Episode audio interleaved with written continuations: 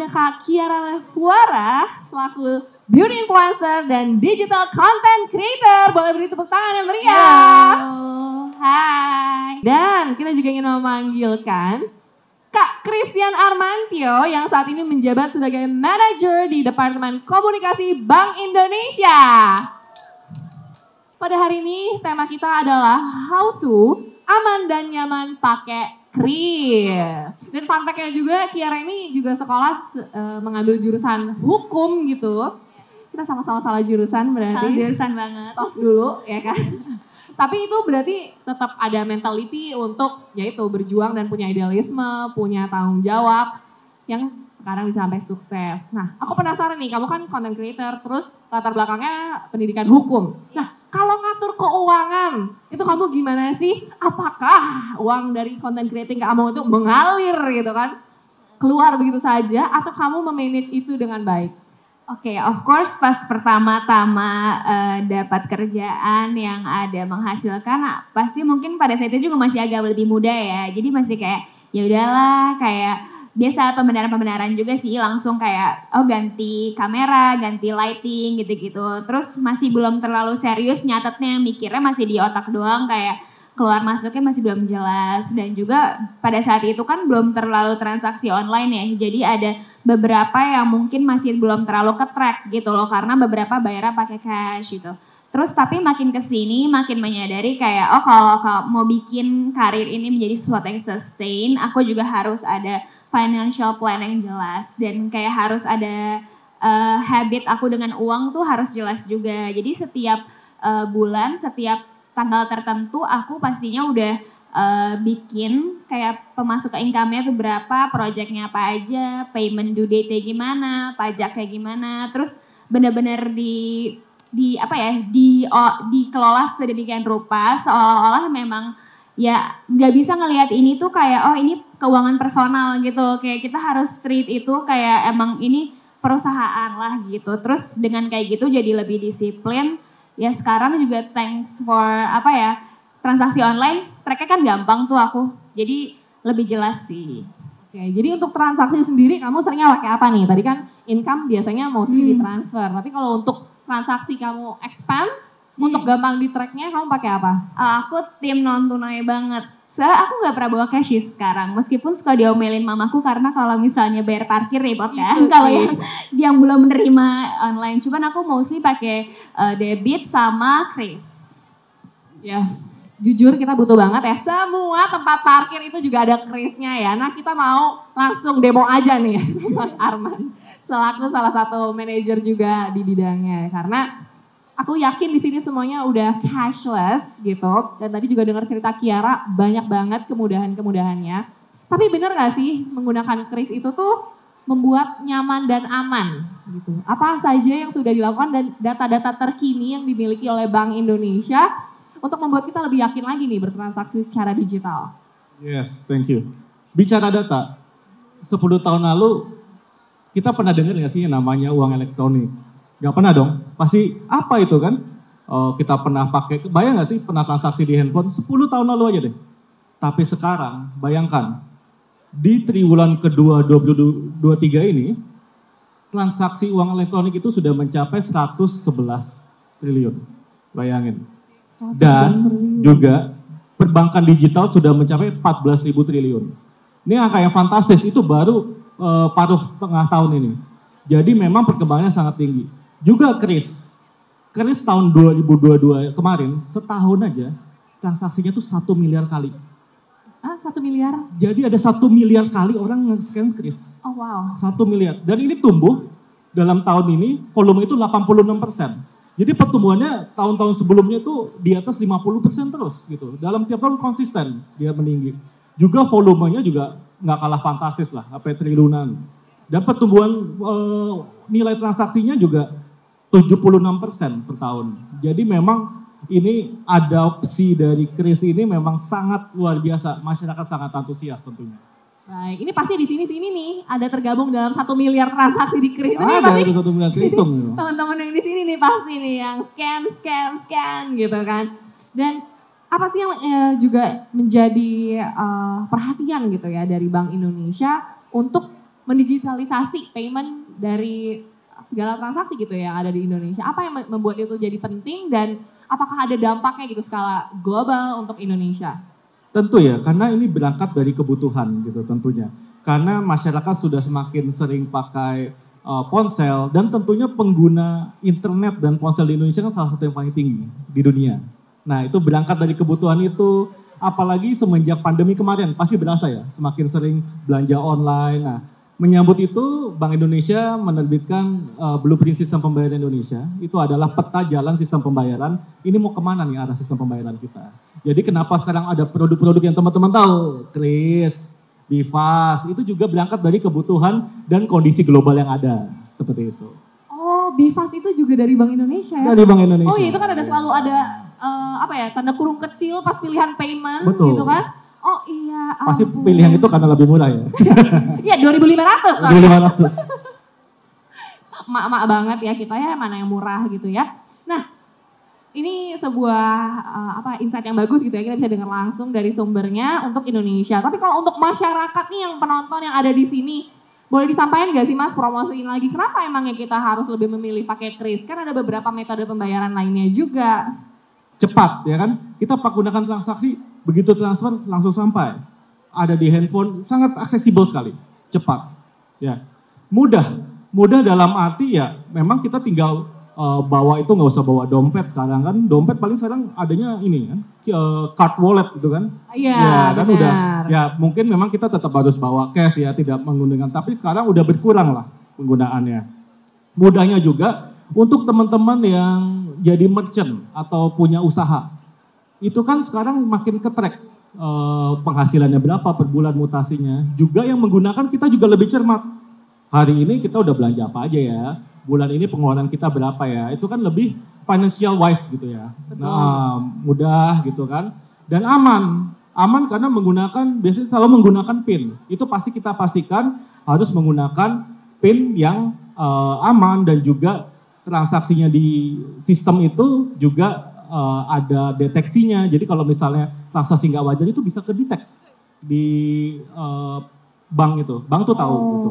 oke. Eh, dan handal juga kita sebisa mungkin kita pastikan gimana supaya bank dan penyelenggara jasa pembayaran itu, penyedia jasa pembayaran itu menggunakan eh, sistem yang handal. Jadi selalu bisa dipakai kapan pun dan jarang error. Kira-kira seperti itu. Wow, itu dia ya tadi. Kalau gitu kita tanya nih ke Kiara, bener gak sih kamu merasakan seluruh manfaat gitu ya dari pemakaian kris yang udah disebutkan tadi sebagai customer? Benar. Bener ya? Aku setuju sih. Soalnya aku tuh jujur eh dulu kan eh, tim debit ya kan. Tapi semenjak ada Kris emang aku ngerasa lebih gampang banget. Soalnya kan kita ke mana-mana pegang handphone. Habis foto, habis ini, habis itu. Jadi pas mau bayar baru-baru tinggal tek aja udah langsung selesai gitu. Dan pakai pin itu tadi sih biar aman. Dan aku ngerasanya juga mempermudah banget kalau online juga ya kak. Soalnya jadi kita nggak perlu tuh apa namanya masuk-masukin nomor rekeningnya, terus juga belum VA-nya apa-apa, bener-bener literally gitu doang udah selesai gitu. Oke, ini kan buat generasi muda udah gampang banget nih. Hmm. Tapi ada gak sih mungkin yang masih kesulitan bertransaksi secara digital di lingkungan atau keluarga teman-temannya Kira? Mungkin bisa langsung didengar juga nih sama Bang Arman gitu jadi masukan. Iya iya, jadi kalau dari keluarga aku sih ya itu sih dulunya kalau misalnya transaksi online mungkin kan juga kita suka di refer ke third party ya buat bayar ya nggak sih. Jadi agak banyak tuh page-nya, terus suka bingung, aduh nanti VA-nya ke mana, terus juga eh, belum lagi kalau misalnya yang tipe yang manual harus copy lagi sih nominalnya satu persatu, kalau kode uniknya ketinggalan ribet gitu kan. Mamaku tuh suka repot banget kalau kayak gitu-gitu gitu kan.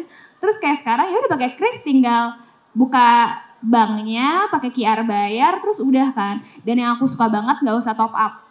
Ya, ya as long as kita ada, ada uang di rekeningnya ya. Cuman itu buat aku pribadi membantu banget sih. Baik, baik. Dan untuk keluarga teman-teman terdekat juga semuanya pakai kris tuh nggak ada masalah ya. Nggak ada masalah. Langsung gampang gitu ya. Yes. Sip, kalau gitu aman Mas Arman ya ternyata.